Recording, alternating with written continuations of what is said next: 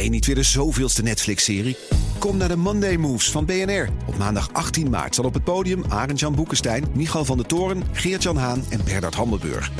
Ze hebben het over geopolitiek. Het is oorlog. Moeten we vechten, vluchten of bevriezen? Onder leiding van mij, Art Rooijakkers. 18 maart dus in het De La Theater in Amsterdam. Check bnr.nl slash mondaymoves. BNR Big Five van de cybersecurity is mede mogelijk gemaakt door HP Wolf Security. Een nieuwe generatie endpointbeveiliging. BNR Nieuwsradio. The Big Five.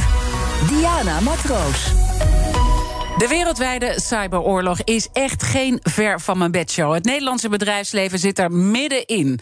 Ik wil heel graag weten wat bedrijven, overheden, burgers moeten doen om de strijd te winnen. En daarom ga ik deze week in gesprek met vijf top-experts in BNR's Big Five van de cybersecurity. En vandaag gaan we leren van een van de beste hackers van Nederland.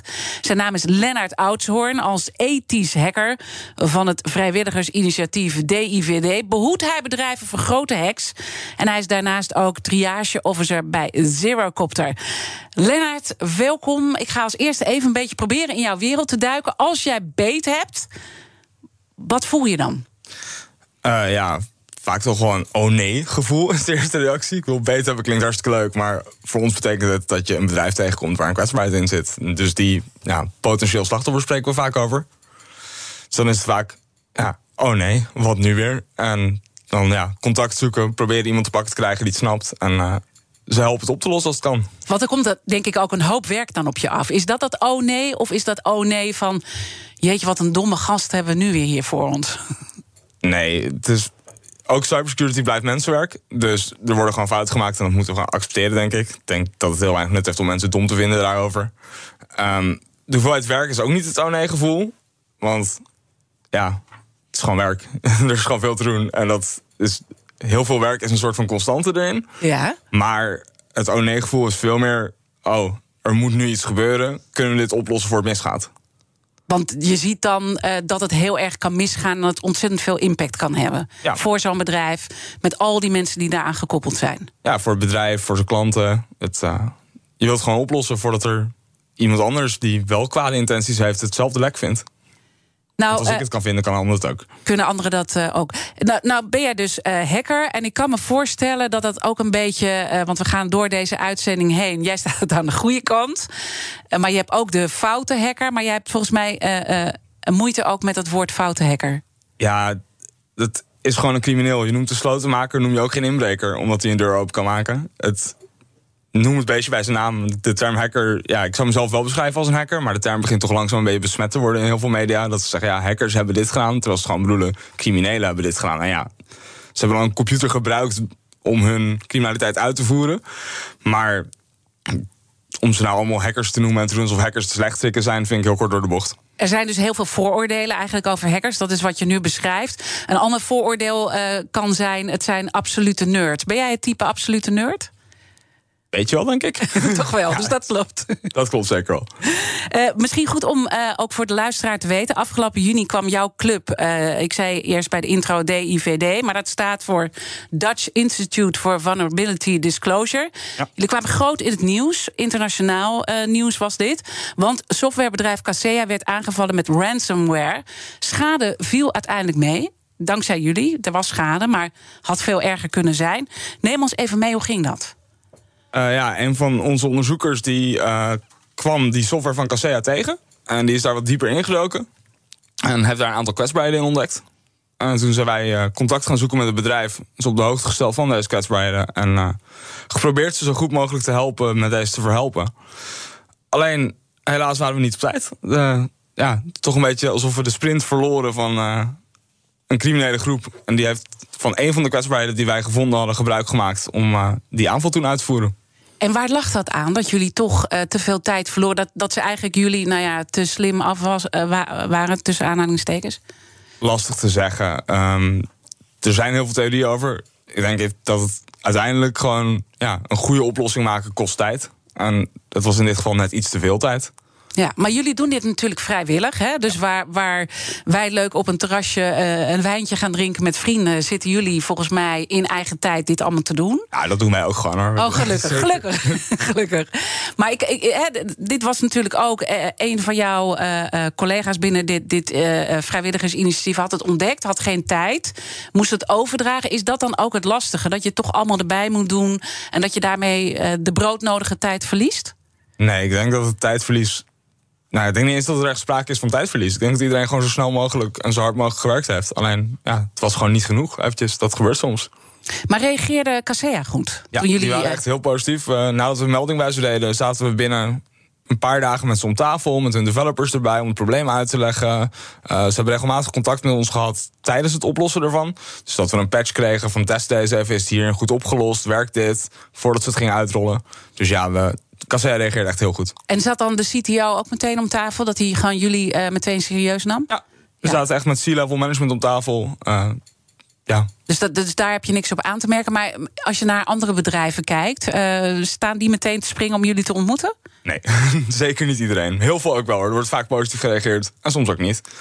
Um, je hoort wel mensen van: hey, waarom kijken jullie naar mijn product? Waarom maken jullie het stuk? Wat zijn jullie aan het doen? Ja, terwijl Oké, het stuk maken is misschien wel onze intentie, maar het is helemaal niet onze intentie om er daarna iets kwaads mee te doen. Het is, we willen juist dat hetgeen dat wij kunnen stuk maken eraan opgelost wordt, zodat andere mensen hier geen slachtoffer van worden. Dus eigenlijk een learning is al voor bedrijven: um, hou ons niet weg, want wij doen het echt voor de goede zaak. Ja. Uh, want uiteindelijk is heel snel samenwerken dat is het allerbelangrijkste. Ja, ik denk dat een heel grote learning daarin is: zorg voor goede contactgegevens. En zorg dat je binnen je organisatie een, een escalatiepad hebt. Van als er dan een goede hacker aanklopt, hoe moet die melding dan binnen onze organisatie er doorheen lopen? Want helpdesk snapt vaak het probleem gewoon niet. Want dat is ook helemaal hun werk niet. Het zijn geen cybersecurity professionals. Dus dan kom je bij een helpdesk binnen die het niet begrijpt, geen idee heeft naar wie ze het door moeten zetten. En dan merk je vaak dat er tijd verloren gaat, of dat je hele melding een beetje verloren gaat. Dat je nooit echt een antwoord krijgt. Dus eigenlijk op een website van een bedrijf moet voor jullie al staan bij wie je zou moeten zijn? zodat je heel snel kan schakelen in dit soort gevallen? Ja, maak een mailbox. Je hebt toch een .nl of een .com domein. Uh, maak security ad aan en laat ons daarmee contact opnemen. Dit is al een heel mooie tip uh, die je hebt gegeven. Uh, uiteindelijk hebben in dit geval die Russische hackers, hè, want het was toch, uh, nou ja, er was uiteindelijk toch te weinig tijd, hebben uiteindelijk toch een aanval gedaan. 1500 klanten wereldwijd werden getroffen. Die hebben natuurlijk ook weer klanten. Nederlandse ja, ondernemers werden ook. In het geval van Kaseya ging het inderdaad om een zogeheten managed service provider. -hmm. Dus dat is software die gebruikt wordt door bedrijven om de IT-systemen van weer hun klanten te beheren. Dus inderdaad, die 1500 um, bedrijven die Kaseya gebruikten daar zitten nog weer veel meer van hun klanten achter. Dus dat is echt enorm veel impact, uh, heeft dat. Uh, wat gaat er op zo'n moment mis en hebben jullie erg geweten te voorkomen? Um,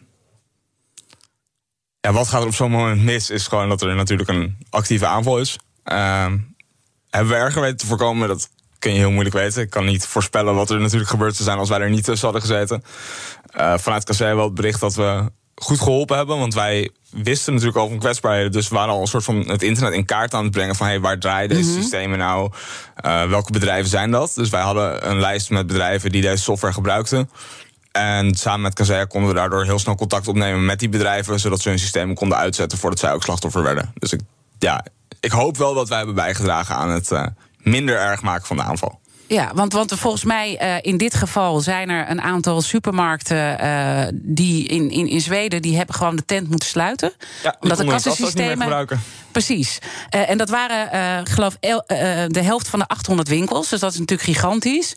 Maar ik kan me ook voorstellen, als, als jullie niet hadden ingegrepen, dat het misschien wel veel meer winkels waren die misschien ook wel langer dicht hadden gemoeten. En dan heb je wel een veel groter probleem natuurlijk.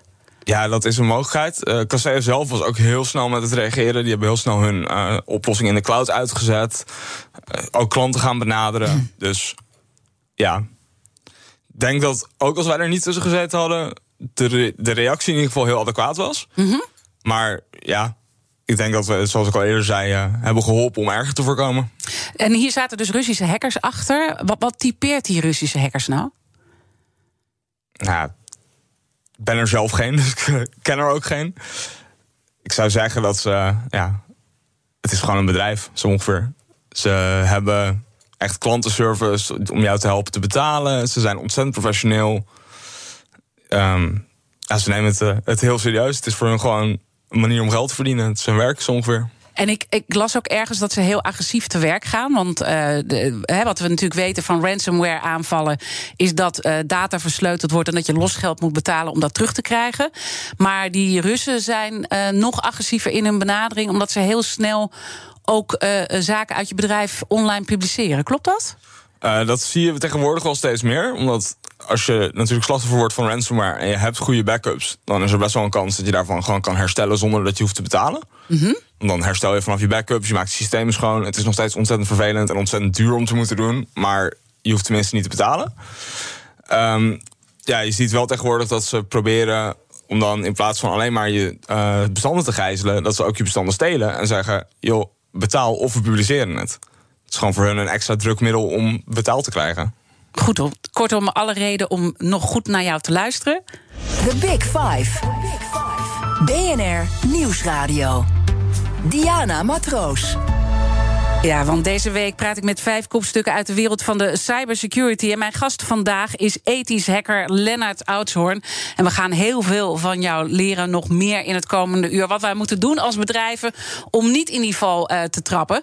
Uh, maar laten we eerst even beginnen met de kettingvraag. Want mijn gasten stellen elkaar vragen via de kettingvraag. En gisteren sprak ik met Inge Bryan.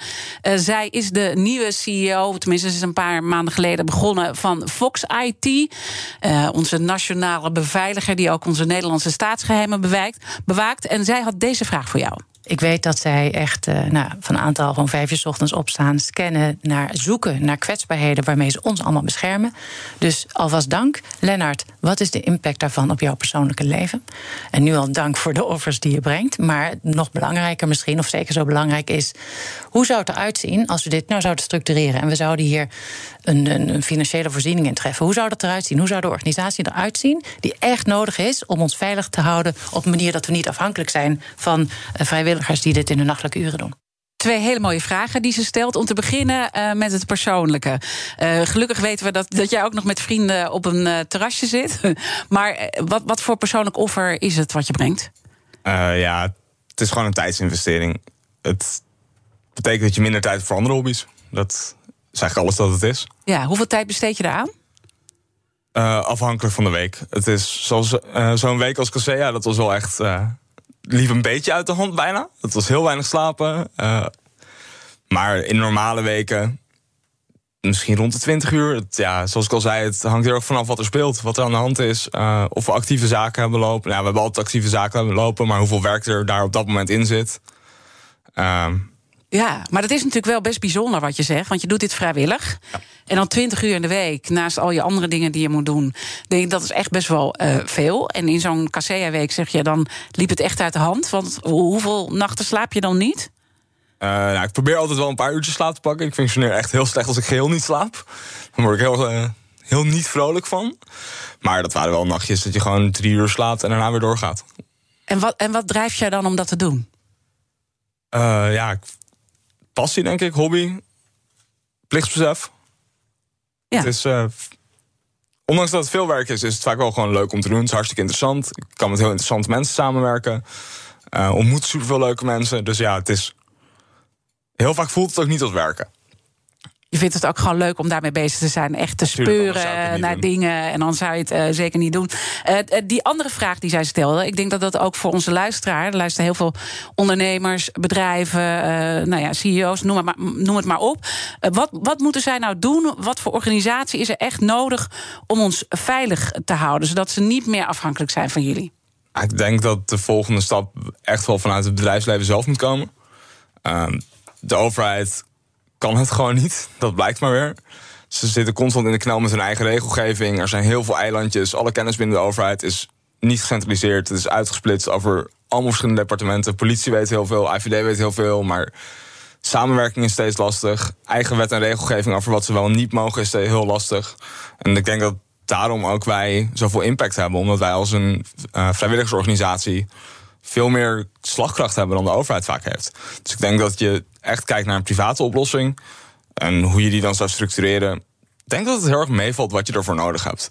Een um, paar goede onderzoekers die uh, kunnen kijken naar producten waar ze zich zorgen over maken. En een paar mensen die het kunnen gaan uitmelden. Dus die contact gaan zoeken met bedrijven. Mhm. Uh, vul dat aan met wat budget om, als er echt een crisis is, uh, wat uitzendkrachten op te kunnen schalen die bedrijven gewoon echt gaan bellen. En dan ben je al snel klaar, denk ik.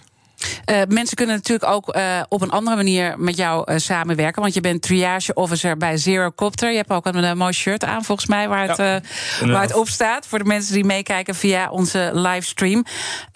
ja, wat, wat, wat, wat, wat, wat, wat doen jullie daar? En zou een MKB'er daar bijvoorbeeld wat aan hebben? Of hoe werkt dat?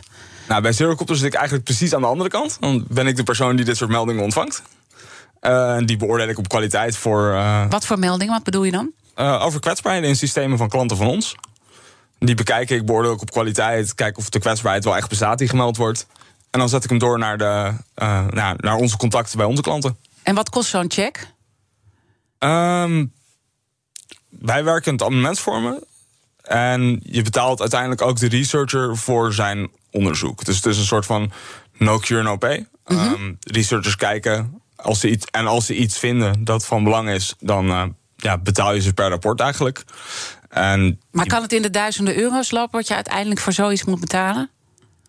Als je echt heel erg significante kwetsbaarheden hebt, wel. Je ziet wel dat um, ja, heel erge lekken echt wel beloond worden met bedragen in de duizenden euro's. Maar je ziet ook kleine misconfiguratiefoutjes waar een onderzoeker 50 euro voor krijgt. Ja, want ik probeer ook een beetje in te schatten. Je hebt natuurlijk grote bedrijven die kunnen dat makkelijk betalen. Maar ja, je hebt natuurlijk ook heel veel wat kleinere MKB-ondernemers. Waarvan nou ja, dat is best wel een afweging. Uh, moet je dat doen? En kan je überhaupt opboksen tegen dit soort aanvallen? Of hoeven MKB-ondernemers zich gewoon helemaal geen zorgen te maken? Ja, ze moeten zich zeker zorgen maken. Ik denk dat iedereen zich zorgen moet maken. Maar of deze service voor een MKB relevant is, ik denk dat ook heel erg ligt aan, kan je überhaupt met die meldingen omgaan? Want als zo'n MKB'er die melding dan krijgt, ja, zit daar wel het technisch personeel met een security budget om het ook op te gaan lossen? Want die meldingen krijgen is één ding, maar je moet er daarna ook nog wel mee aan de slag. En daar zit de lastigheid? Daar zit een deel van de lastigheid. Um, en wat nog meer dan? Dat heel veel bedrijven denk ik niet zo goed weten wat nou hun, ja, te noemen digitale footprint is. Dus wat ze op het internet hebben staan, wat er aan het internet hangt. Dat maar ik best wel vaak dat mensen geen idee hebben. Dat je een melding doet en dan zeg oh, hadden we deze server ook nog online staan? Dat was ooit voor een marketingcampagne van tien jaar geleden. En die is ook inderdaad sindsdien niet meer geüpdate. En, daar, en daar kan je dan, want, want, want neem ons even mee, want hier zitten dus uh, ja, onze blinde vlekken. Uh, dan heb je die server lopen, die heb je dus niet geüpdate. En wat zou dat voor impact kunnen hebben dan? hangt heel erg af van wat er op die server staat en waar die voor gebruikt wordt. Maar de impact zou kunnen zijn dat uh, die server door een crimineel gehackt wordt en gebruikt wordt in andere aanvallen. Dus dan kijk je al naar een bepaalde hoeveelheid reputatieschade. Maar het kan ook zijn dat er belangrijke data of van je bedrijf of van jouw klanten op staat die dan uh, gestolen wordt. Kan ook zijn dat die server communiceert met andere delen van je netwerk. En dat ze daardoor op andere plekken binnen je netwerk ook komen, die misschien niet per se kwetsbaar waren, maar dat ze via die server binnenkomen. En dan ook op andere systemen terechtkomen, waar ze veel meer schade kunnen aanrichten. Dus, dus ik denk dat dat ook heel belangrijk is om te zien dat alles is aan elkaar geknoopt. Dus ook een. Want ik denk dan, ja, zijn mensen dan geïnteresseerd in mijn laptop bijvoorbeeld? Want ik ben maar, ja, ik ben niet, ben niet zo belangrijk, maar ik ben misschien wel weer geschakeld. Ja, je moet nu al lachen wat ik zeg. Uh, nou ja, ik... is dit al een domme opmerking van nee, mij? Nee, dat is zeker geen oh. domme opmerking. Maar je bent natuurlijk journalist. Uh, je hebt vast heel veel contacten. Zeker. Zou ik geïnteresseerd zijn in je telefoon? In, misschien niet eens in wat er in jouw telefoon staat, maar misschien wel in de contactgegevens van weer andere mensen. Um, als ik vanuit jou een mailtje zou kunnen sturen naar iemand anders, komt het toch best wel betrouwbaar over. Dat zou ik ook weer kunnen gebruiken in volgende stappen. Ja, ja, ja. Ik zit al eventjes na te denken. Dus wat zou ik dan moeten doen om te zorgen dat, dat jij dat niet. Uh, of, of nou ja, jij, jij bent gelukkig aan de goede kant. Maar degene die aan die niet goede kant zit, uh, dat hij dat niet zou kunnen doen. Wat moet ik doen? Um, zorg altijd gewoon dat je alles zo up-to-date mogelijk houdt. Installeer de laatste versies van de besturingssystemen die je gebruikt. Uh, ja, heel veel meer denk ik dat je als eindgebruiker vaak niet kan doen. Nou, natuurlijk, denk goed na. Als je een mailtje krijgt die er onbetrouwbaar uitziet, klik niet op een linkje, trap niet in phishing, al dat soort dingen. Kan je natuurlijk doen. Maar qua echt de technische kant van je systeem onderhouden, zorg dat je geüpdate bent. En voor heel veel gebruikers eindigt daar denk ik hun eigen verantwoordelijkheid wel. En uiteindelijk dan zit het bij een bedrijf en jij bent hier BNR binnengelopen. Zie je dan meteen dingen dat je denkt, nou dat zou ik anders doen? Uh, nee, nog, tot nu toe nog niet. Nee, maar het is niet zo dat jij binnenkomt en meteen uh, dan kijkt of. Uh, hoe, hoe wij hier de dingen doen? Ja, natuurlijk wel. Dat, ja? dat, is toch een soort van tweede natuur. Toen we hier net binnenliepen, ging je collega even koffie pakken. En dan kijk ik toch snel, hey, laat ze door computer unlocked of niet. Dat, dat kijk je toch wel meteen Natuurlijk kijk je daarnaar. Ja, ja, oké. Maar je hebt gelukkig nog niks ontdekt. Dus dat is heel goed uh, uh, voor BNR. Maar uh, als je dan gewoon. Want, want ik weet dat je geen voorbeelden kan noemen van bedrijven. Hè, want het is allemaal betrouwbaar wat je doet. Maar wat voor. En ik vond het wel mooi dat je zei: het zijn geen domme dingen. Want je kan mensen niet dom noemen, niet criminelen. Die zijn, die, die zijn gewoon crimineel. Maar wat zijn toch dingen de, die je tegenkomt dat je denkt: oh, wat doen ze in een bedrijf? Het is echt niet handig. Uh, een van de grote is denk ik wel dingen aan het internet hangen die daar niet horen. Um, je ziet nog steeds best wel vaak dat, oh, maar zeker nu met het thuiswerken, ja, dat is handig, want dan kunnen we op kantoor inloggen. Ja, hang dat niet aan het publieke internet. Uh, zet het achter wat we dan noemen een VPN, een Virtual Private Network. Mm -hmm. Dat ze iemand eerst op die VPN moet inloggen en daarna pas uh, bij het digitale kantoor kan komen. Er is geen enkele reden om dat publiek aan het internet te hangen voor iedereen beschikbaar. En nog meer van dit soort voorbeelden? Um, update alles wat je hebt natuurlijk. Ja, die zei. Hang geen dingen aan het internet die er niet moeten hangen. Zorg dat je weet wat je hebt aan systemen. Dus asset management noemen we dat. Gewoon een indicatie van wat draait er naar waar, wat hebben we, wat gebruiken we. En overweeg heel goed van, hebben we dat misschien niet meer nodig of kunnen we het van het internet afhalen. Dat zijn denk ik. Uh, een aantal belangrijke tips. En als je dan kijkt, hè, want ik weet niet hoe lang doe jij dit nu? Uh, dat ik betrokken ben bij cybersecurity vijf jaar, denk ik. Vijf jaar. En als je dan eventjes terugkijkt naar die uh, vijf jaar, wat, wat, wat valt je dan op aan de grote veranderingen? Het is wel echt professioneler geworden. Zeker ransomware. Uh, vroeger, toen ik hiermee begon, was ransomware iets dat een consument trof. En dan was je 300 euro kwijt om je laptop te ontsleutelen. En nu gaat het echt om miljoenen bedragen. Het treft ze hele bedrijven. We hebben toen de haven van Rotterdam stil zien vallen op een gegeven moment met een aanval. En wat is dan jouw worst nightmare? Mm, toch wel vitale infrastructuur, denk ik. We hebben echt ontzettend veel belangrijke dingen natuurlijk. Uh, dingen die wegen aansturen, dingen die stoplichten aansturen, dingen die nou, dammen en sluizen controleren. Als daar iets mis zou gaan, zou de impact ontzettend zijn. Mijn gast vandaag in BNR's Big Five van de cybersecurity is ethisch hacker Lennart Oudshoorn. Hij zit dus aan de goede kant. Terwijl een hacker miljoenen kan verdienen als hij aan die slechte kant zit met zo'n ransomware aanval. Ik wil straks heel graag met je verder praten. Wat nou grote zwakke schakels zijn uh, gezien de toekomst. Eigenlijk wat je net uh, benoemt. En ook wat voor wereld erachter gaat aan die foute kant. Want je geeft eigenlijk al aan, ze zijn enorm aan het professionaliseren. Dus ik wil toch een beetje meer in die wereld duiken. Wat voor mensen dat zijn, uh, hoe ze te werk gaan en welke zwakke schakels we moeten letten richting de toekomst. Dus blijf vooral luisteren als je dat allemaal wil weten van een van de be beste hackers van Nederland. Tot zo. Het Eneco Klimaatreport van deze week komt uit Amsterdam. Ik ben Pascal en ik sta hier met de oprichter van Wikkelhuis op de werkplaats. Oep, wat zie ik hier? Ja, je ziet allemaal huisjes. En welke rol speelt energieefficiëntie in jullie ontwerp- en bouwproces? We bouwen alleen maar met hernieuwbare materialen. Maar het leukste is dat we eigenlijk uh, zonne-energie gebruiken voor onze elektriciteit. We hebben duizend zonnepanelen op ons dak van de werkplaats. Duizend zonnepanelen, dat zijn er een hoop. Ik kan me voorstellen dat er veel stroom vanaf komt. Ja, er komt een enorme bak met stroom uit. En soms in de zomer is dat ook te veel. En daarom werken we samen met uh, Eneco, met het uh, opwek optimaal systeem. En wat doet dat systeem? Een soort dimmer. Dat als er te veel stroom is, dat je dat zeg maar wat terug reguleert, zodat er geen netcongestie ontstaat. Want dan zou alles vastlopen. Uh, juist de balans op het energienetwerk. Ja, precies. En zo werkt Wikkelhuis samen met Eneco aan klimaatambities. Is het ook iets voor jouw bedrijf? Check dan eneco.nl slash klimaatambities. BNR Nieuwsradio. The Big Five. Diana Matroos. Welkom bij het tweede halfuur van BNR's Big Five. Deze week praat ik met vijf kopstukken uit de wereld van de cybersecurity. Later deze week is Jaya Balou, de voormalig Chief Information Security Officer van KPN, bij mij te gast. Zij wordt vanwege haar kennis op handen gedragen in de wereld van de cybersecurity. En vandaag praat ik met ethisch hacker Lennart Oudshoorn. Hij behoort tot de beste hackers van Nederland. En Jij staat, Lennart, hebben we ook goed beschreven net aan de goede kant. Maar die andere hackers, de online criminelen, die zijn er ook. En je noemde net al eventjes, die worden steeds professioneler. Kan je dat eens beschrijven? Wat zie je? Uh, nou ja, hun doel is natuurlijk gewoon geld verdienen. Dus ze hebben dingen als een klantenservice. Als jij uh, door hun je software gegijzeld is en je wilt ze betalen, maar het lukt niet, is er gewoon een klantenservice. Die kan je bellen, ze helpen je te betalen. Het is, ja, het is gewoon echt een bedrijf. En, en, die klantenservice, uh, dat ze dat doen, waarom hebben ze dat op die manier uh, zo ingericht? Uh...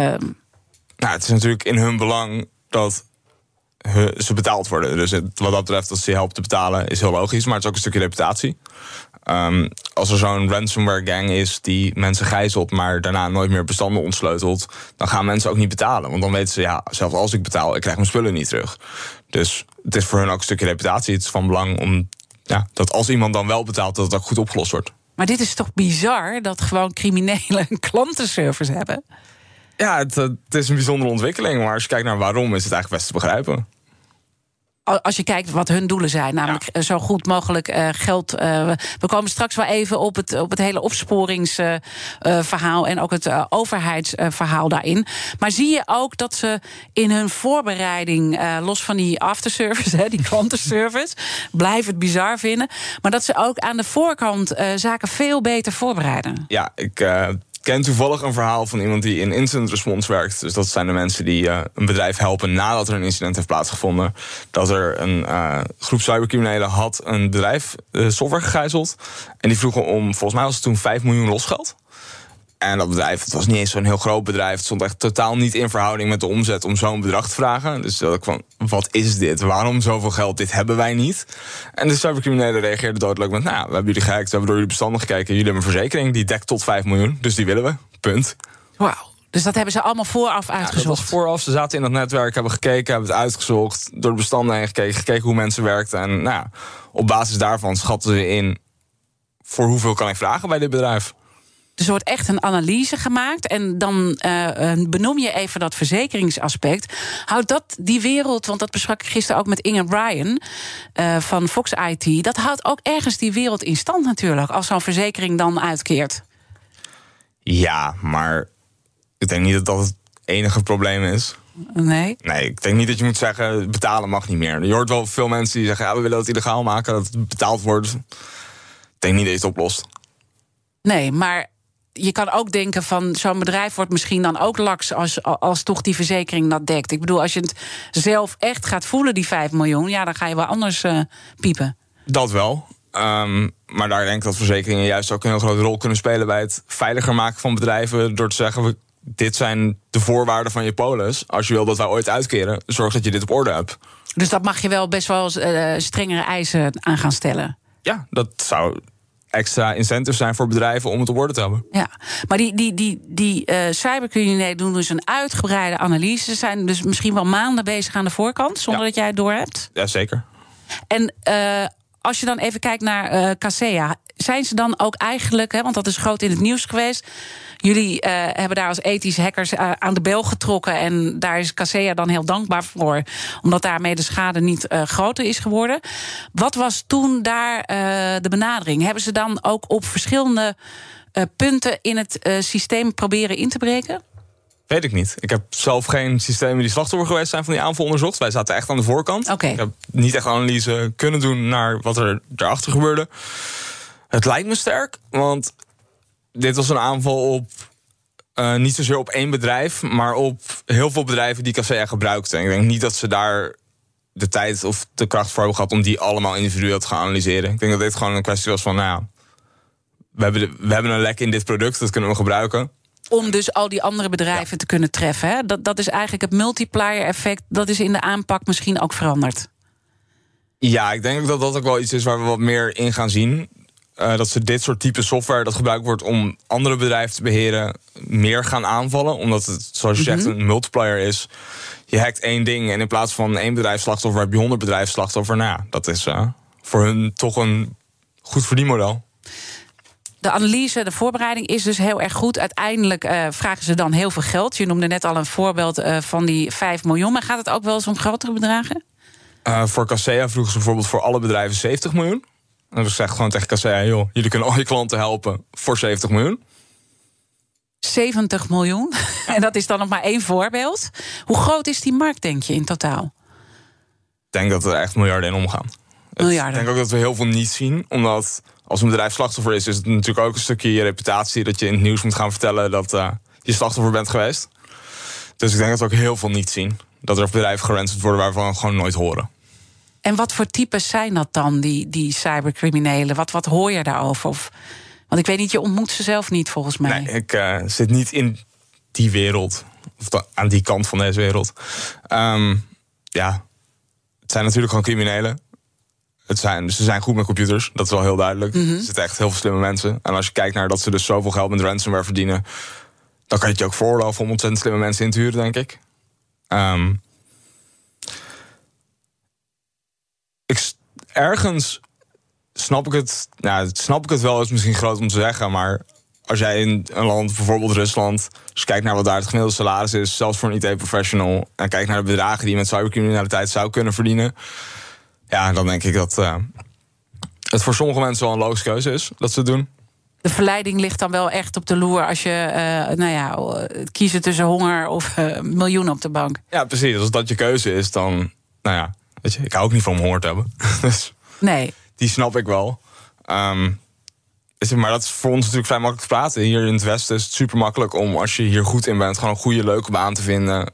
Ja. En dan, ja, voor mij is die verleiding gewoon non-existent. Ik zou, nee, dan zou je over je schouder moeten kijken. Of je, weet je, constant op, oppassen of je niet naar je gezocht wordt. Dat lijkt me allemaal niks. Nee. Maar ben je wel eens benaderd uh, door ze uh, indirect dat ze je graag in jou, uh, in hun kamp willen hebben, om het zo maar te zeggen? Nee. Nee, oké. Okay, maar je zou, zoiets zou je ook nooit doen. Maar hoe, hoe, leven dit soort mensen? Wat hoor je daarover? Je komt ze dus niet persoonlijk tegen, maar wat hoor je daarover in jouw netwerk? Ja, je hoort wel verhalen dat die mensen die echt aan de bovenkant van deze organisatie zitten, gewoon heel luxe leven. je hoort ook wel verhalen dat mensen stoppen omdat ze genoeg verdiend hebben. En dan toch een paar jaar later het weer allemaal over de balk gesmeten hebben en weer beginnen. Dat zijn ook wel verhalen die je hoort. Dus het zijn mensen die groots leven, even, even heel veel geld ophalen, dan uh, even gaan relaxen en dan weer terugkomen. Niet allemaal natuurlijk, maar dat zijn wel verhalen die je hoort. Ja, en als je dan uh, kijkt, want we hebben net die Russische hackers al beschreven. Voor welke hackers moeten we ons nog meer zorgen maken? Uh, ja, qua cybercriminaliteit lijkt Rusland wel een van de grote plekken te zijn waar het zich allemaal, plaatsvindt. Um, je hebt natuurlijk ook, ja, je hoort natuurlijk. Het, het rijtje dat je altijd hoort is met Rusland, China, Iran, dat soort dingen. Um, ik denk dat we ons ook wel zorgen moeten maken over hoe hacken zich professionaliseert. Dus dat het niet zozeer zich echt richt op criminaliteit. Maar dat we gaan kijken naar dingen als bedrijfsspionage en dergelijke. Dat is gewoon je hacken om nou ja, buiten te maken en dat soort dingen. Ja, en het gaat dus uh, al heel lang is het gaande zonder dat je eigenlijk het, uh, het door hebt. Hè? Dus ik denk dat een heleboel bedrijven zich dat gewoon uh, moeten beseffen.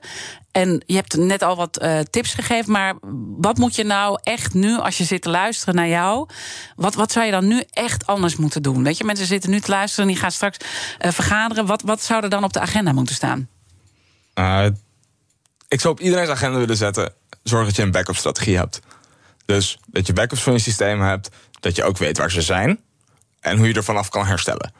Want je hoort wel heel vaak dat een bedrijf backups heeft, maar dan, oh, die zijn ook geransomd. Ja, die zijn niet meer nuttig. Of dat een bedrijf backups heeft en ja, toen we ervan wilden herstellen, bleek dat het toch niet mogelijk was dat er ergens een foutje zat. Dus doe een keer een oefening. Uh, ja, test je disaster recovery.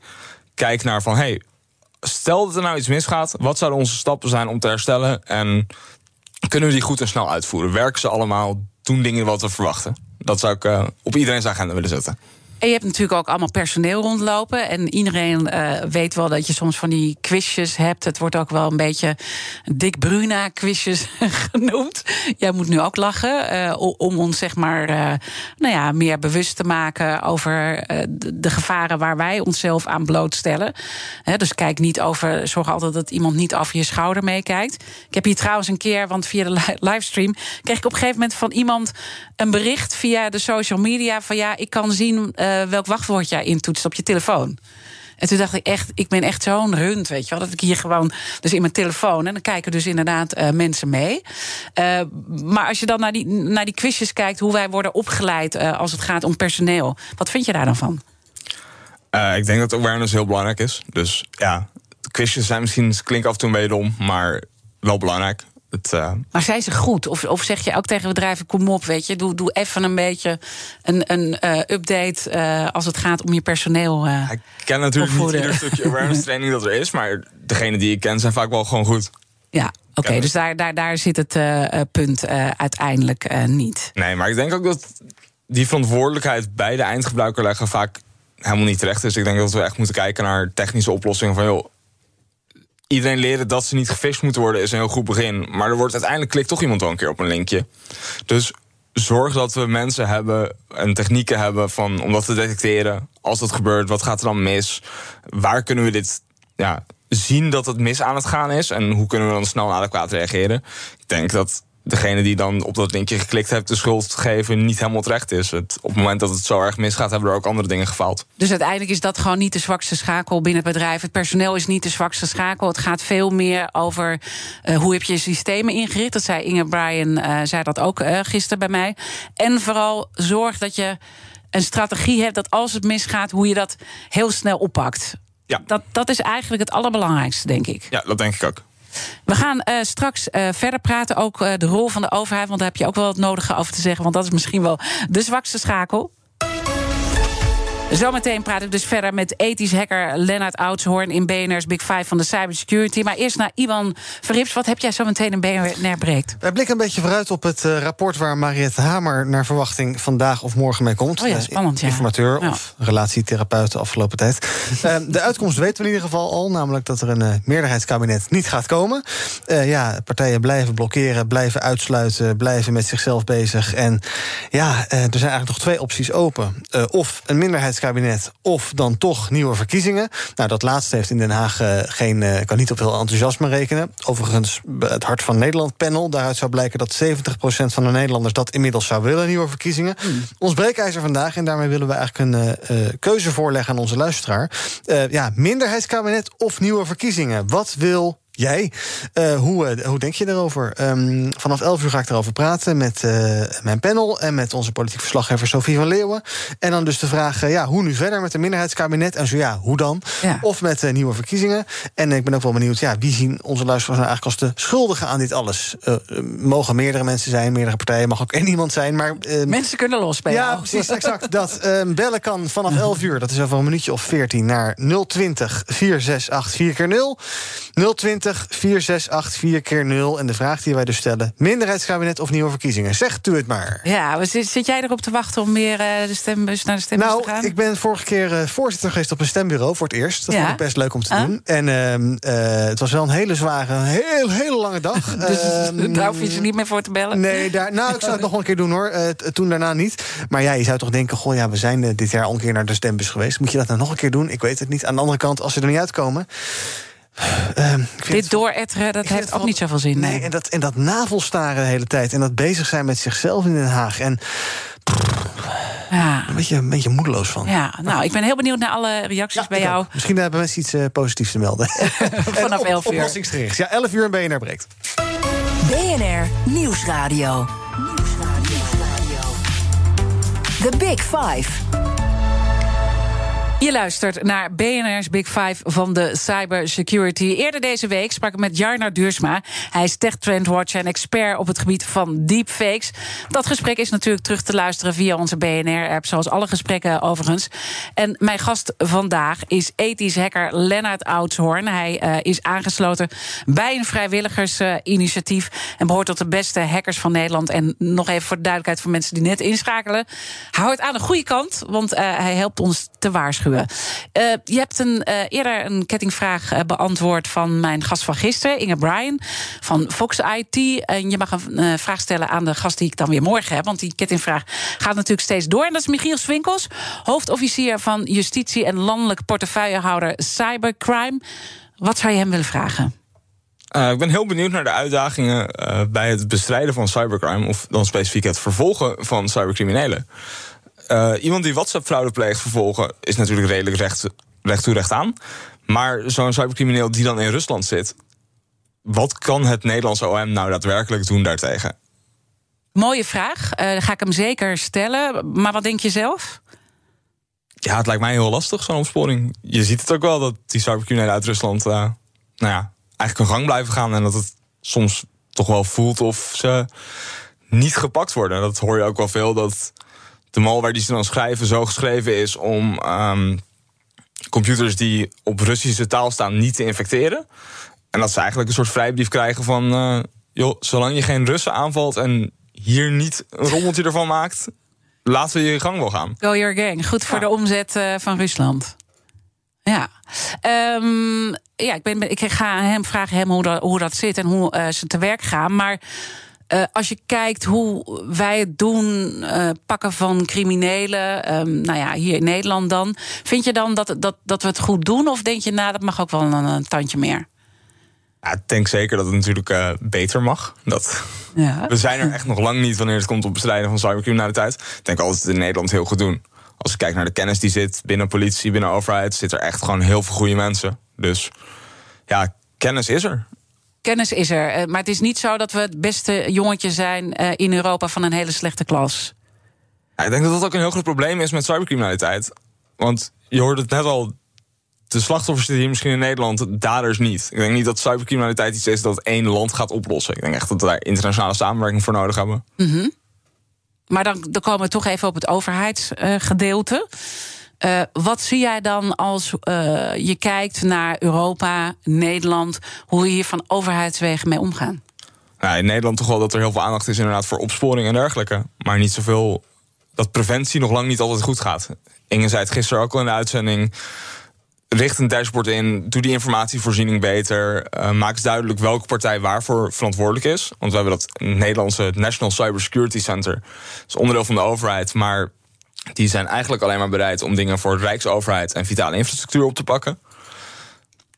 Nou, waar is dan de overheid voor MKB of überhaupt bedrijfsleven? Ja, en, en, en, en wat, wat, wat is überhaupt het kennisniveau bij de overheid? Want ik bedoel, je moet het natuurlijk wel uh, snappen om uiteindelijk met goede maatregelen te komen. Nou, dat kennisniveau denk ik dat echt wel goed zit. Um, alleen, het is heel onduidelijk wie nou waarvoor verantwoordelijk is. Wie is er van de overheid die een bedrijf gaat waarschuwen op het moment dat zij een server met een kwetsbaarheid erin online hebben staan.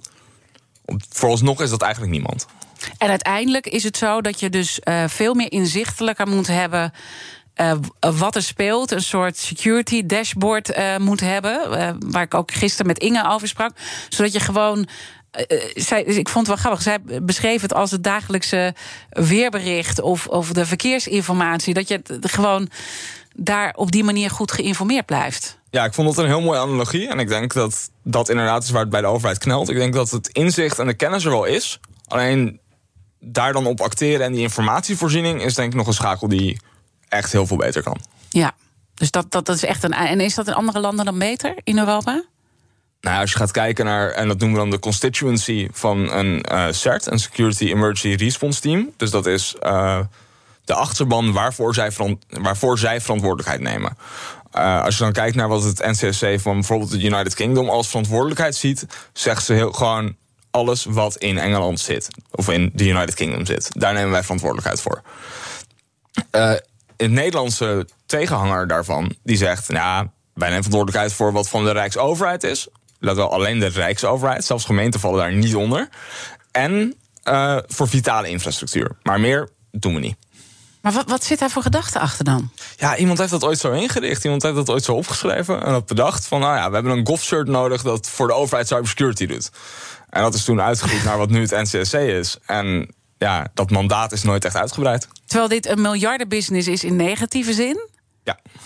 En uh, toen mijn uh, collega net aanschoof om uh, zijn uitzending aan te kondigen, toen ging het over. Um, hij, hij, beschreef Mariette Hamer als de relatietherapeut.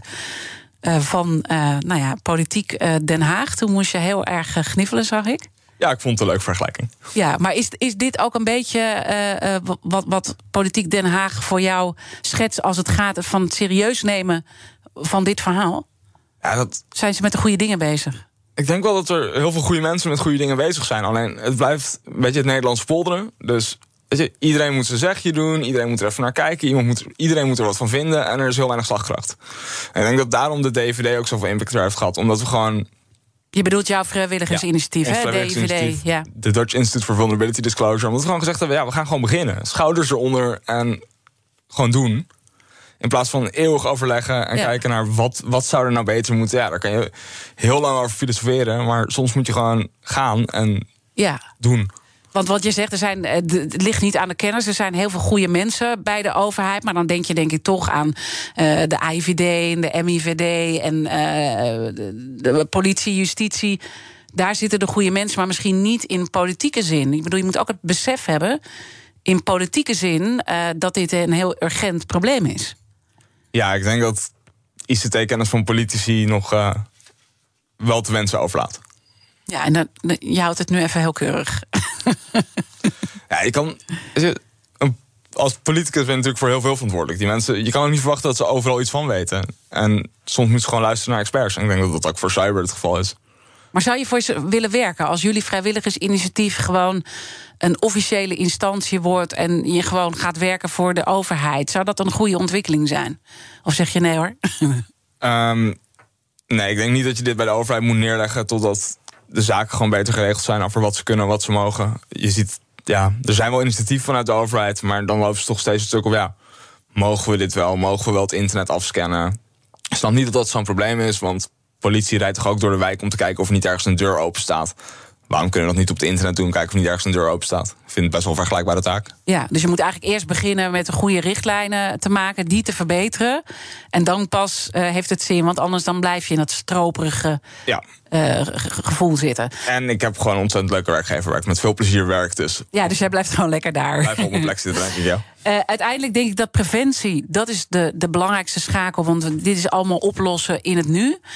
Uh, uh, zou je ook nog een soort boodschap hebben voor mensen die in het onderwijs werken? Want ik weet niet of het daar dan een beetje op niveau zit. Want uiteindelijk moet je daar natuurlijk beginnen om het bewustzijn te creëren, denk ik. ja, dat denk ik wel. Maar ik denk dat we tegenwoordig ook wel heel veel aan wat ze noemen mediawijsheid en dergelijke, dat we daar al best wel veel aan doen op scholen. Dus ik denk dat ja, awareness over wat voor criminaliteit er nou plaatsvindt op het internet en hoe je dat kan herkennen en hoe je voorkomt dat je daar slachtoffer van wordt, dat dat wel degelijk een plaats heeft op onze scholen. Oh ja? Oh ja. Ah, dat lijkt me niet meer dan logisch. Lijkt maar, maar, maar je weet het niet zeker hoe dat daar geregeld is. Want ik heb namelijk niet het gevoel dat daar nou heel veel tijd aan wordt besteed. Dus ik heb zelf uh, kinderen van uh, eh, 18 en 19 en ik heb ze nog nooit over dit soort lessen uh, gehoord. Nou, dan zou het denk ik zeker een goede overweging zijn om dit soort lessen wel te gaan geven. Ik bedoel, we leren een kind toch ook dat je fiets op slot moet zetten. Waarom leren we een kind niet je een online account veilig houdt? Lijkt me een mooie, mooie tip. Wat ga jij nu zo doen? Ga je weer ja, duiken in de systemen? Ik ga weer in systemen duiken zo. Goed, eh, en jij gaat ons uh, behoeden voor de grote uitgeleiders voor het bedrijfsleven. Dank voor jouw inzichten. Lennart Oudshoorn, hij is ethisch hacker bij het vrijwilligersinitiatief DIVD... en ook triage officer bij Zero Copter. Alle afleveringen zijn zoals altijd terug te luisteren van BNR's Big Five. Je vindt de podcast in onze BNR-app en natuurlijk op bnr.nl. Maar blijf de hele dag live. Zometeen BNR BNR breekt met Ivan Verrips. En dat heeft alles te maken met uh, de politiek. Moeten we nieuwe verkiezingen gaan doen of niet? Praat straks mee.